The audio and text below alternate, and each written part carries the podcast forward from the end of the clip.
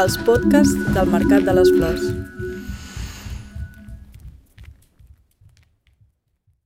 Es decir, es un, es un trabajo, fue un trabajo difícil, muy difícil, pero bueno, brutalmente bonito, brutalmente interesante.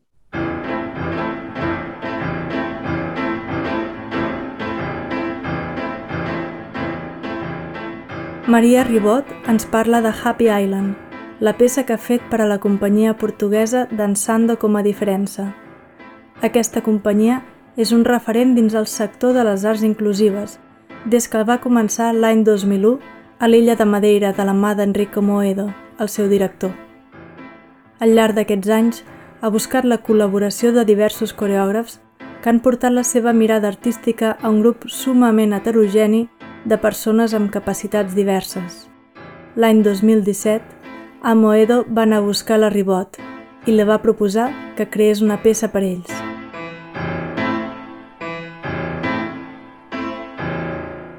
Nos fuimos Paz y yo un fin de semana a Madeira, a Funchal, estuvimos nada, un fin de semana pum, y volvimos. Y fue muy bonito porque allí nos presentaron sobre todo a toda la compañía y, ese, ese, fin de semana también él quería que yo hiciera una coreografía, un solo para cada una de las chicas, uno para Joana, otro para Sofía y otro para Bárbara. Y entonces ese, fin de semana ellas estaban ahí esperándonos y nos fuimos a ver ballenas para que no fuera un, no nos conociéramos solamente en el estudio, sino que hubiera algo más mm, convivial y lo pasamos muy bien y sobre todo lo que tenía que ocurrir y, que ocurrió es que ellas me aceptaron. Ellas sí le dijeron a Enrique, bueno, es guapa, sí, puede, puede, puede, hacer, sí, sí nos gusta, porque si no les hubiera gustado no me hubieran dejado, no hubiera podido, no, hubieras, no hubiera podido trabajar. La companyia està formada per un nombre indeterminat de persones, al voltant de la vintena, que cada dia poden assistir a les classes que es donen a Funchal, i que estan obertes a tothom. La Ribot va assistir a aquestes classes per conèixer les persones, el seu funcionament i esbrinar de quina manera s'hi podia acostar personalment i artísticament. Es difícil porque es muy diferente y, mm, es, y además en este caso concretísimo, pero yo me imagino que en muchos casos yo iba de la mano de Enrique Amoedo y de la mano de Telmo Ferreira, si no, no hubiera podido. Es decir, tienes, tengo necesidad de traducción, de traducción de lenguaje mío a ellos, eh, además del el portugués.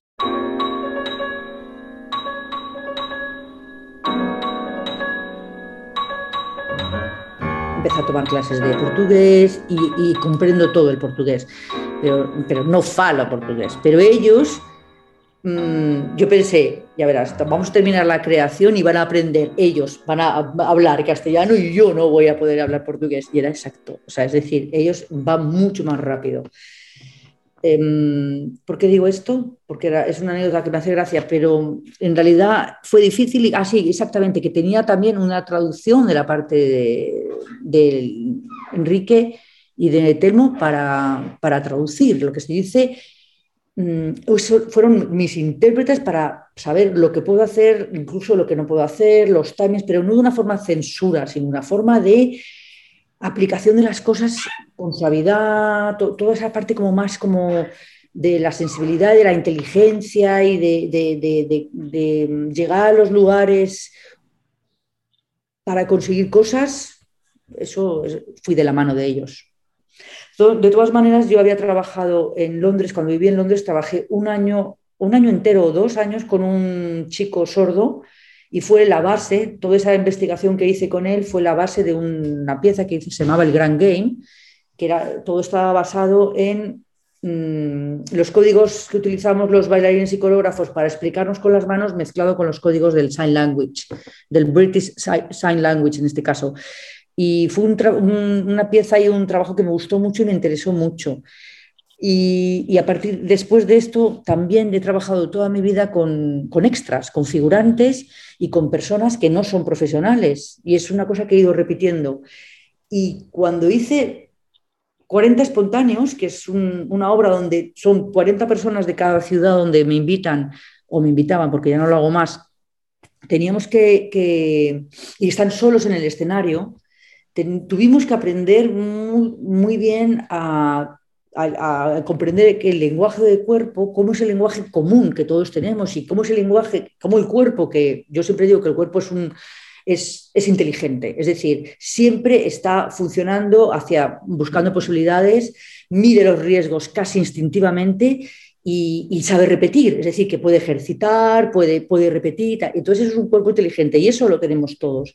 Y cómo ese cuerpo puede encontrar un lenguaje común para comunicarnos y para amarnos o para odiarnos o para, para todo y para hacer arte y, poesía, es, esto lo, tuvimos, lo hicimos y lo, lo buscamos muchísimo en aquel proyecto de 40 espontáneos. Y eso que yo aprendí con ese proyecto me ha ayudado muchísimo en Madeira. Es decir, que, que había desarrollado como si había desarrollado un lenguaje que te permite que me permitía expandir, llegar y tocar cuerpos y otras cosas que no fueran solamente los profesionales de la danza.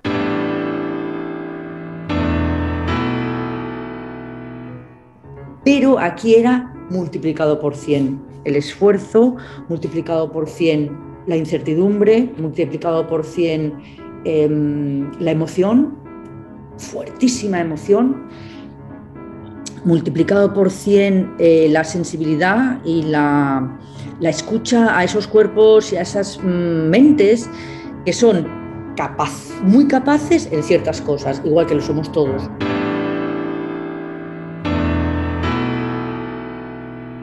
Entonces empecé por los deseos, empecé por qué es lo que más querían ellos hacer en su vida, cuál era su, verdadero deseo, aparte de ser bailarines, cuáles eran sus, deseos profundos. ¿Y cuáles eran? Pues casi todos eran sexuales, o sexuales o de amor, o de, sexuales, bueno, que no, no, lo puedo decir así, yo creo que eran todos de, comprensión y de amor, de ser aceptados, de comprensión, de amor y de, bueno, incluso de poesía, fíjate, lo puedo decir así. Y entonces en la, la, creación, cada vez que íbamos a Madeira, trabajábamos todo el día y a las seis de la tarde todo mi equipo nos íbamos todos a observar las clases de Telmo y de Enrique. Pero sobre todo en aquella época Enrique estaba más ligado y las daba más Telmo.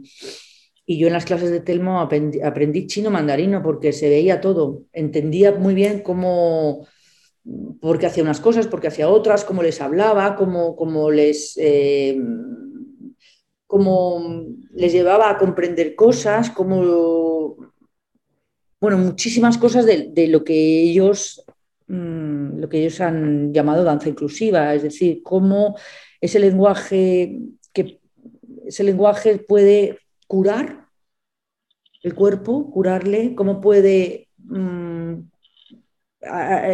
hacer arte, cómo puede mm, darles autonomía, muchas cosas muy importantes. Porque, por ejemplo, mm, lo más importante que descubrí de Enrique y es que toda la, bueno, mucha parte de todo su trabajo es fundamentalmente mm, darles autonomía a, estos, a, estas, a estas personas, que es lo que la sociedad les, les quita, les quita autonomía. Y entonces, una parte muy importante de, su gestión de, como individuo es que, esos, que, se, que se sientan que son autónomos. Entonces, no solamente les eh, aprenden a, a bailar, y hacer danza contemporánea, sino que aprenden a contar, a, coger el bus e ir a, la escuela, a, cocinar juntos, a comprenderse y ayudarse. Suena así un poco como católico cristiano, pero es que realmente hay un fondo brutalmente solidario y potentísimo, pero está basado mucho en la autonomía, en la autonomía de cada uno de ellos y en, y en darle poder al individuo que son cada uno de ellos, ¿no?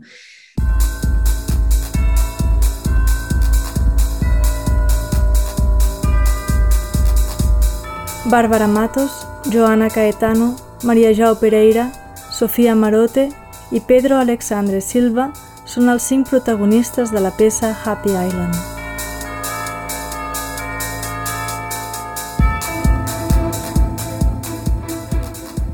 Pedro dijo algo muy poético, que ella, él quería haber siempre sido iluminador de teatro y por eso le puse con las, con las luces.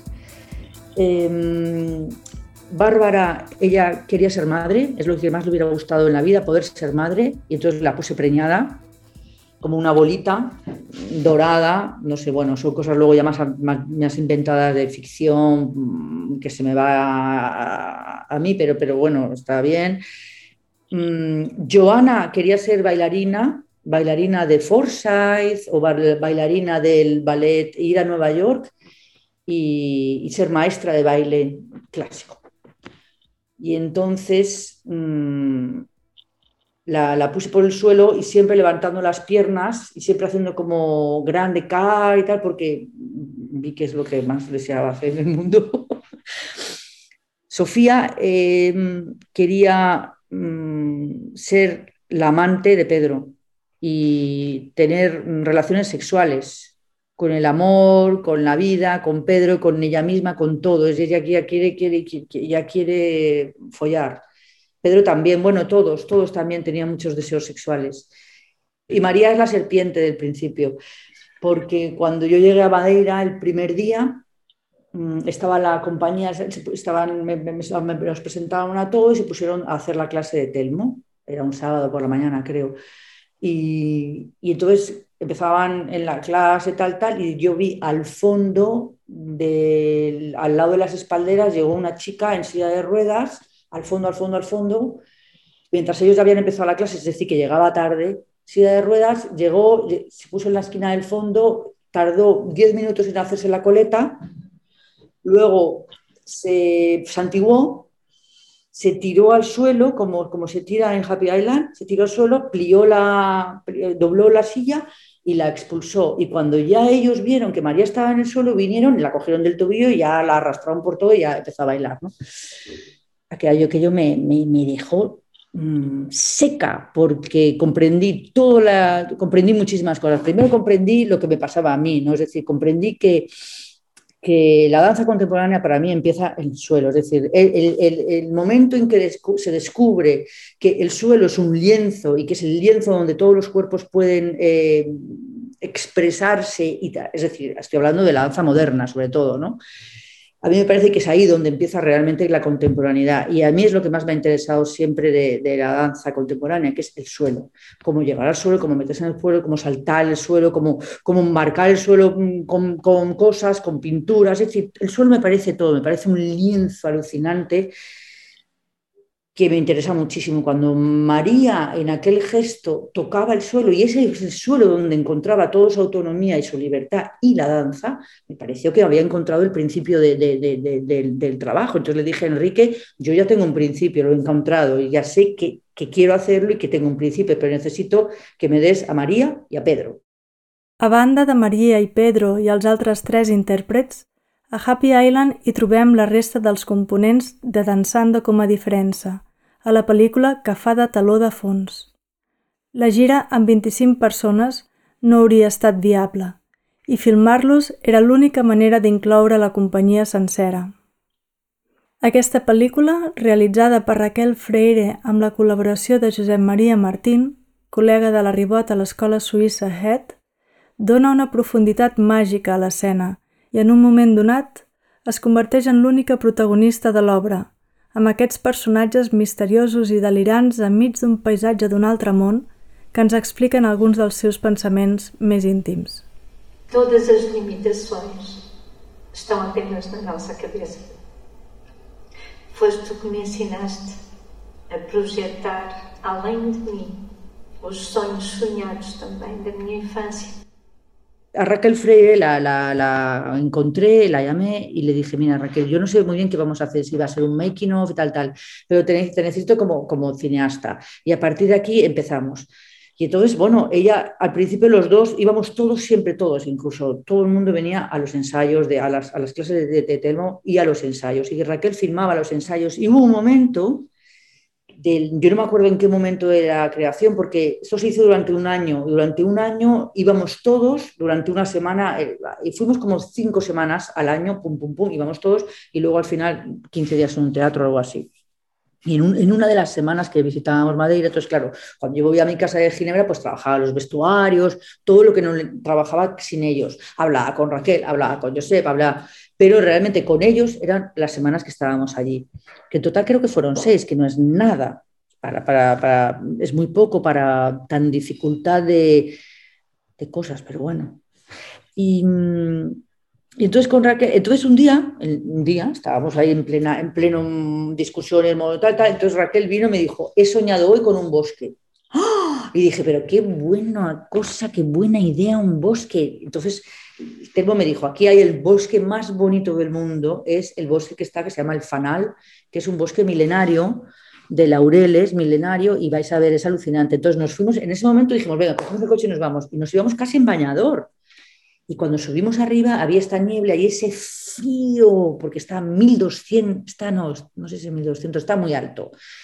Hacía un frío brutal, pero fue pues, lo más bello que he visto en mi vida, porque era, comprendía todas las, cosas de lo que es la belleza, ¿no? Es como misterio, miedo, poderío, mmm, frío incluso.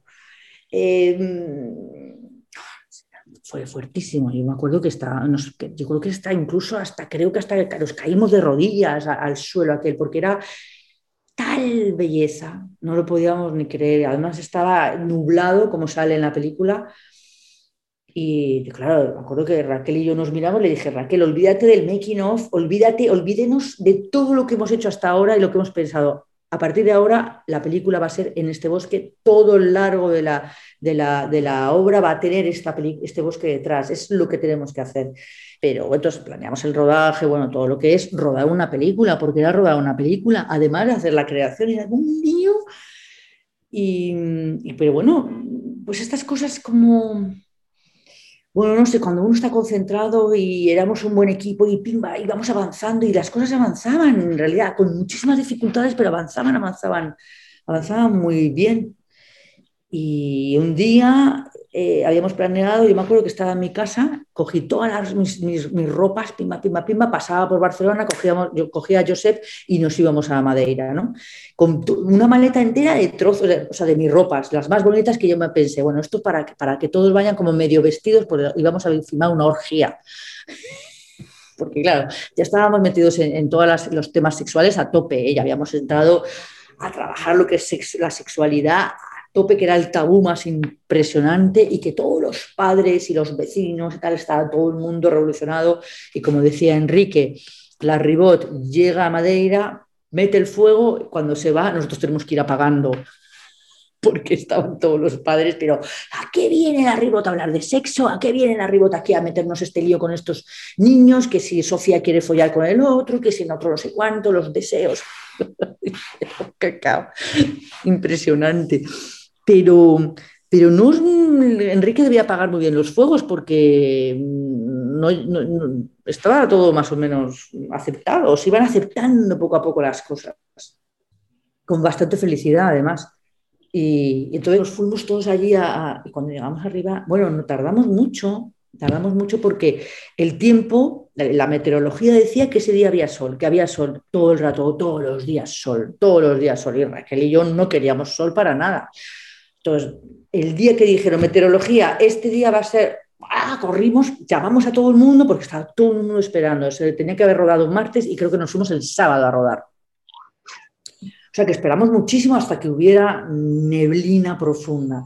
Sabíamos que íbamos a pasar mucho frío, pero no, no sabíamos el frío que pasamos o que pasaron, porque yo iba de, jefa y no me metía en pelotas ni a hacer orgías ni nada. Pero vamos, madre mía, qué frío pasaron. Fue muy, muy, mucho frío, pasamos mucho frío, pero fue precioso. Estuvimos solo ese día rodando. Claro, entonces, venga aquí, pues aquí, está, aquí ponemos a Pedro tal, Pedro tal, aquí tú, tírate aquí tal. Bastante rapidito y teníamos ese día y así, lo rodamos todo. Antes, Josep y Raquel habían hecho, habían hecho entrevistas a las madres que querían hacer entrevistas, a ellos, a muchas personas de la compañía habían hecho entrevistas sobre muchas cosas, les preguntaban muchas cosas y nos, les prometimos que esas entrevistas iban a ser secretas, que nadie las podía leer ni mirar porque algunos se confesaban cosas muy importantes en su vida que no querían que se supieran. y les prometimos que iba a ser secreto y fue secreto. Nunca desvelamos nada de lo que nos dijeron en aquellas entrevistas, pero yo ahí les entendí mucho. Al escuchar las entrevistas entendí mucho sus deseos, entendí mucho quiénes eran cada uno de ellos. Todos somos personas con más o menos deficiencia. Y esos planos alucinantes que, claro, Raquel, se, nosotros, yo estaba en el estudio con ellos y Raquel y yo sé a veces, o Raquel o alguien, se iban en coche y se ponían a filmar los planos. Y con unos planos por las noches, unos planos largos que eran, que yo lloraba, decía, pero ¿cómo puede ser tan bonito? ¿Cómo ¿Sabes? Raquel es una cineasta magnífica y fue una creación preciosa y lo pasamos muy bien. Y además hubo muchísima sintonía, muchísima sintonía. Hubo mucha sintonía entre todos y todo el mundo estuvimos muy concentrados, disfrutando mucho y entendiendo muy bien lo que estábamos haciendo. Todos temos as mesmas necessidades, concretamente as necessidades e os estímulos sexuais. E quando esses estímulos são castrados, sem serem orientados devidamente, é muito mal. Més enllà de la creació, la Ribot decideix fer-se coproductora de Happy Island, en un gest d'implicació total, no només artístic, que dona valor al procés sencer, el fa visible i el fa possible. Me impliqué también, porque una cosa que también me parecía muy importante era que si yo hacía esto, bueno, él me, él me dijo que no podía estar toda la compañía con 25 porque era, no se podía girar una, una, compañía tan grande porque él no tenía el poder ni el dinero para girar pero que tampoco le hiciera una cosa muy radical. Me dijo, no, porque nosotros vivimos de esto, vivimos mucho de, de, poder girar, vivimos espiritualmente y también económicamente, pero sobre todo, o sea, nuestra vida está en girar porque es donde nos creamos, hacemos de artistas. Y ahí entonces le dije, bueno, pues yo me hago coproductora para que, además de que me interesa, es que lo meto en mi circuito. Entonces, sacamos del gueto de los disables y de los, ¿sabes? A todo esto, no solamente por, por mí, sino por, por, todo, es decir, que, que, que se sal, salir de, del circuito disable y que esta obra pudiera tocar otros circuitos que, que, por ejemplo, fueran los míos, ¿no?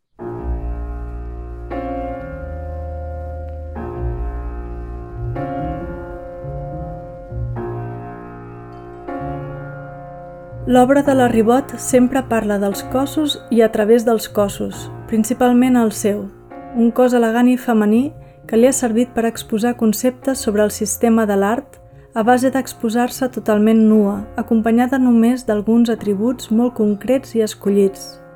Sensualitat i art conceptual. La Ribot treballa un art de la carn per esculpir el llenguatge. El cuerpo es es un, un, vehículo de sensualidad de entrada, de sexualidad también. Y, bueno, y, y, la forma en que a mí me ha interesado mucho en muchos momentos, y que no, y siempre es toda la parte más conceptual y de lenguaje, no solamente corporal, sino verbal también, o sea, escrito, verbal. Entonces, bueno, es, hay, es más conceptual en ese sentido, está visto de una forma así, pero, pero no, está, no es contrario a lo sensual no es contrario nunca para mí. Bueno, es que es, es, justo lo que me parece, que tiene que ser, que van, van, va juntos.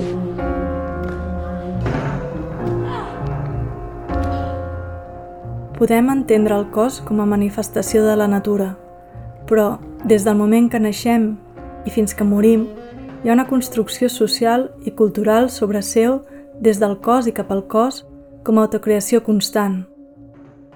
La mirada dels altres la fem pròpia per buscar validacions, refugis i afinitats. I amb aquesta mirada externa donem per suposat el que està dins de la norma i el que està fora de la norma, la raresa.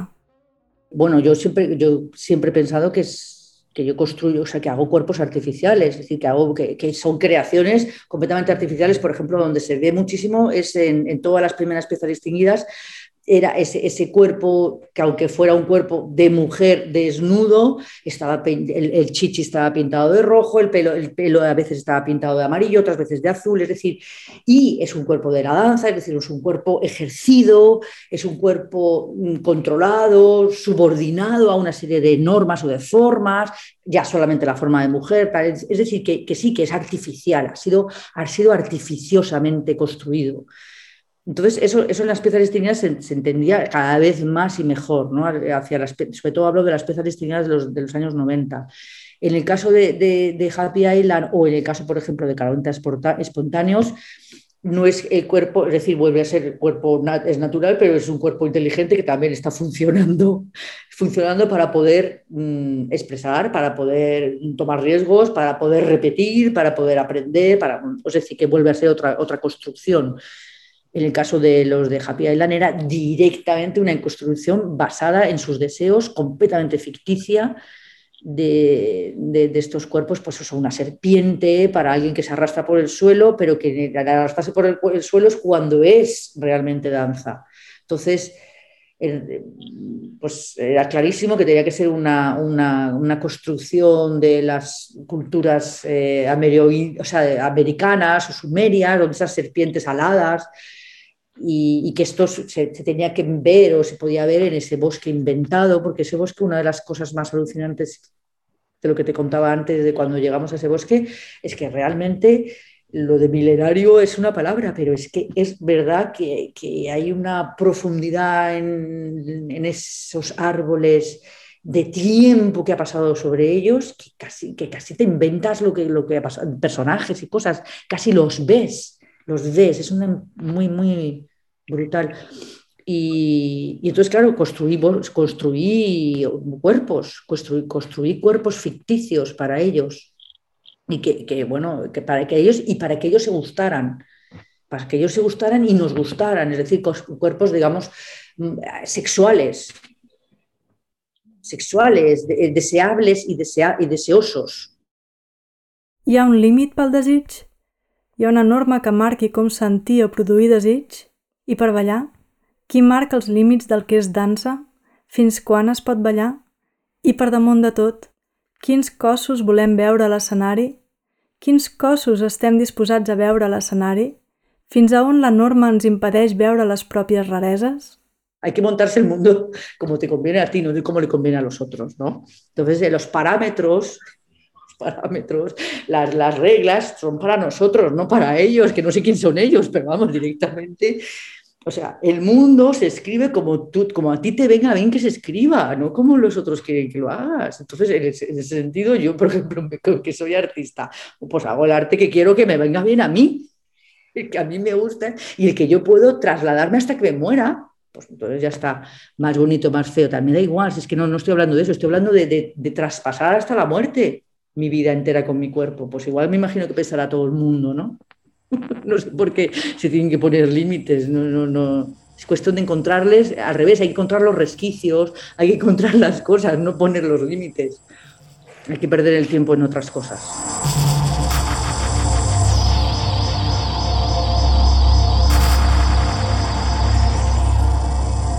Pues, bueno, es que yo nunca he pensado que tenía, fíjate, nunca he pensado que había muchos límites a ese nivel en el cuerpo porque en realidad no me pongo muchos límites. Sé perfectamente que va a ser el, el, el, el instrumento que voy a utilizar y, ya está. Y me imagino, y, cuando, y cuanto más he ido avanzando en mi vida, más ese instrumento ha estado conmigo con sus formas y sus, y sus vejeces y, su, y lo, el estupor que te da eh, crecer, que es que a mí, a mí me, me, parece horriblemente terrible crecer, pero crecer porque todos sabemos que vamos a morir y entonces es como que se acaban las cosas y eso, y eso sí que me da estupor. Luego el cuerpo te acompaña en todo eso como puede, como puede, realmente como puede, como tú sabes hacerlo y como tú puedes hacerlo con él. En el caso de, de, de estos eh, chicos de Madeira, pues me pasa lo mismo, tampoco lo... No, simplemente es, es una especialidad, es como que lo veo que es una especialidad.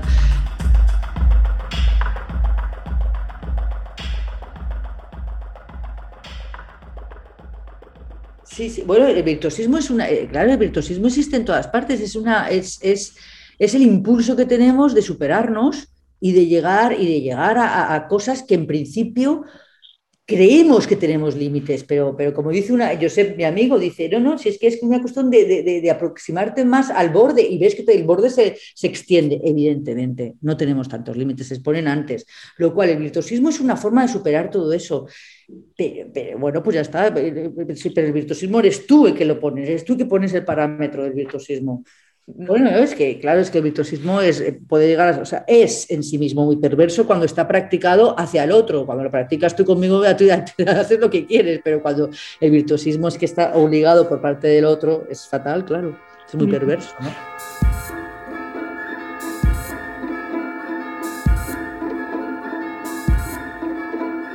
El más difícil todavía, que es una cosa muy de circo, muy divertida, que es el más difícil todavía, pero qué cosa más rara, ¿no?